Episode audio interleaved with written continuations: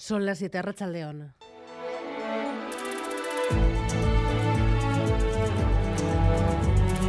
Gambara con Arancha García. El caso de Miguel debe recordar al PNV en su conjunto cómo hay que ejercer la política. Iñigo Urcullu hoy tras la sentencia firme del Supremo. La sentencia es un recordatorio, es un recordatorio para mí y también para los miles y las miles de militantes del Partido Nacionalista Vasco y de los cargos institucionales, desde concejales hasta el propio Lendakari, de lo que es y tiene que seguir siendo la interpretación de la política y el ejercicio de la política al servicio del bien común. Euskadi es el bien común.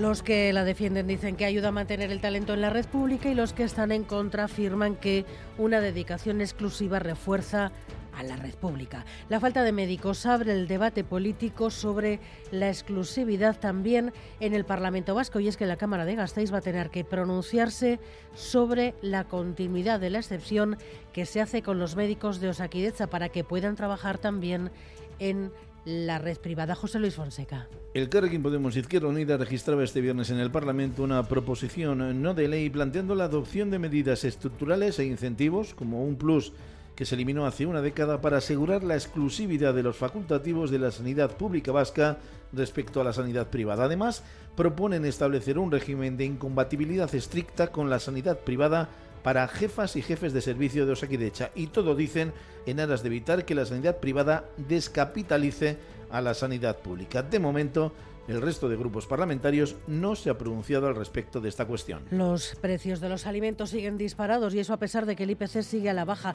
De hecho, cerró diciembre en el 5,7%. Está bajando la electricidad, están bajando los combustibles, pero los alimentos siguen en el top y por eso a partir de ahora 2.500 familias, unas 10.000 personas van a poder llenar la cesta del súper con productos básicos y pagar con los bonos de 200 euros que a partir de ahora pone en marcha el gobierno vasco con ayuda de la Cruz Roja.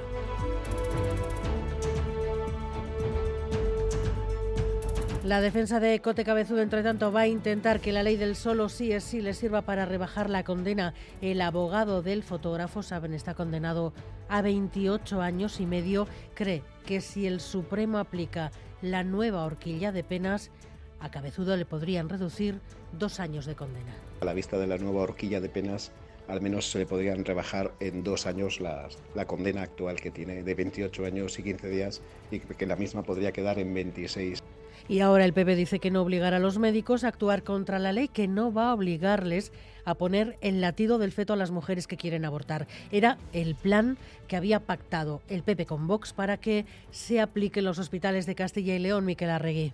Sí, Partido Popular y Vox no se ponen de acuerdo sobre el alcance de esa polémica propuesta. Los ultras aseguran que está pactada entre los socios de gobierno y que entrará en vigor de manera inmediato, inmediata, pero no es esa la versión de los populares que aseguran que la ley impide obligar a los sanitarios. Veremos qué sucede en esta enrevesada situación que una vez más Isabel Díaz Ayuso ha aprovechado para acercarse a Vox e incomodar a Feijó al insinuar que está de acuerdo con la propuesta de la Junta de Castilla y León. Enseguida vamos con todas las voces, pero antes los deportes acercaré a León. A León queda Quedan 26 horas para que arranque el derby de Anoeta entre la Real y el Athletic. En el bando Chu y Urdin y Manol recupera a Cho, mientras que en el rojo y blanco Valverde a Miquel Vesga.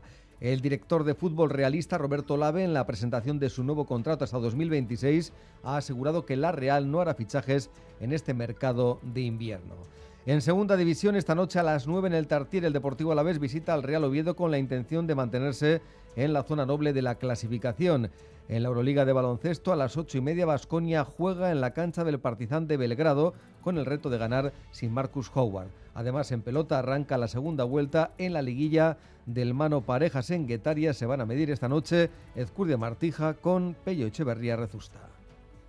Calcetines altos, pies en botas, jerseys abrochados, bufandas y colchas, ventanas cerradas, cristales con vaho, charcos y gotas, balcones mojados. Bueno, pues parece que va a llover y que nos vamos a tener que poner las botas a sacar el paraguas por lo menos que puede más, porque atención al brusco cambio de tiempo que se pronostica para la semana que viene a partir de este domingo. Va a llegar un frente muy frío, una masa de aire marítimo polar que nos va a dejar fuertes vientos, mucha lluvia y miércoles y jueves también nieve. Incluso podríamos verla a nivel del mar. Aitziber Bilbao.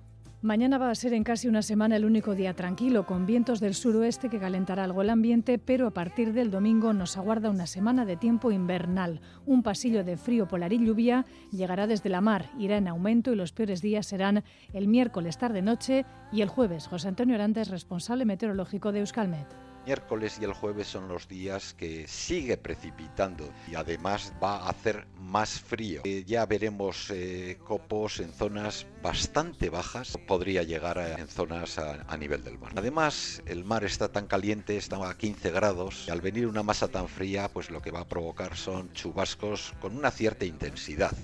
Precipitaciones que en cotas altas como en el Pirineo se prevé deje buenos espesores. Víspera de San Sebastián este año, por tanto, fría y húmeda. Aún faltan días y los pronósticos se afinarán, pero como decimos, se prevé una semana de avisos. Es muy probable naranjas eh, para navegación. Es muy probable también para el miércoles y el jueves por nieve. Y es muy probable que también por precipitación, eh, amarillos o naranjas. Emergencias del Gobierno vasco, URA, diputaciones y ayuntamientos monitorizarán la situación para afrontar coordinadamente el primer temporal del año. Bueno, pues uno de los puntos críticos seguramente va a estar en las carreteras. Amaya Zabala parece que vamos a tener que buscar dónde tenemos guardadas las cadenas, pero la pregunta, ¿sabemos ponerlas? Arracha León.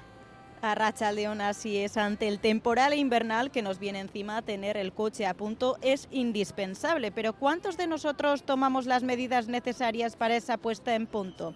Hemos preguntado en la calle y hay quien nos dice que mira el tiempo antes de salir, quien realiza revisiones periódicas o quien usa neumáticos de invierno todo el año. Les escuchamos. Anticongelante, revisar y la verdad es que poco más. Siempre reviso, o lo llevo al taller o o miro a ver qué tiempo va a hacer. Llevamos ruedas de nieve. Aparte del anticongelante, echar también en el líquido limpia parabrisas eh, que tenga anticongelante.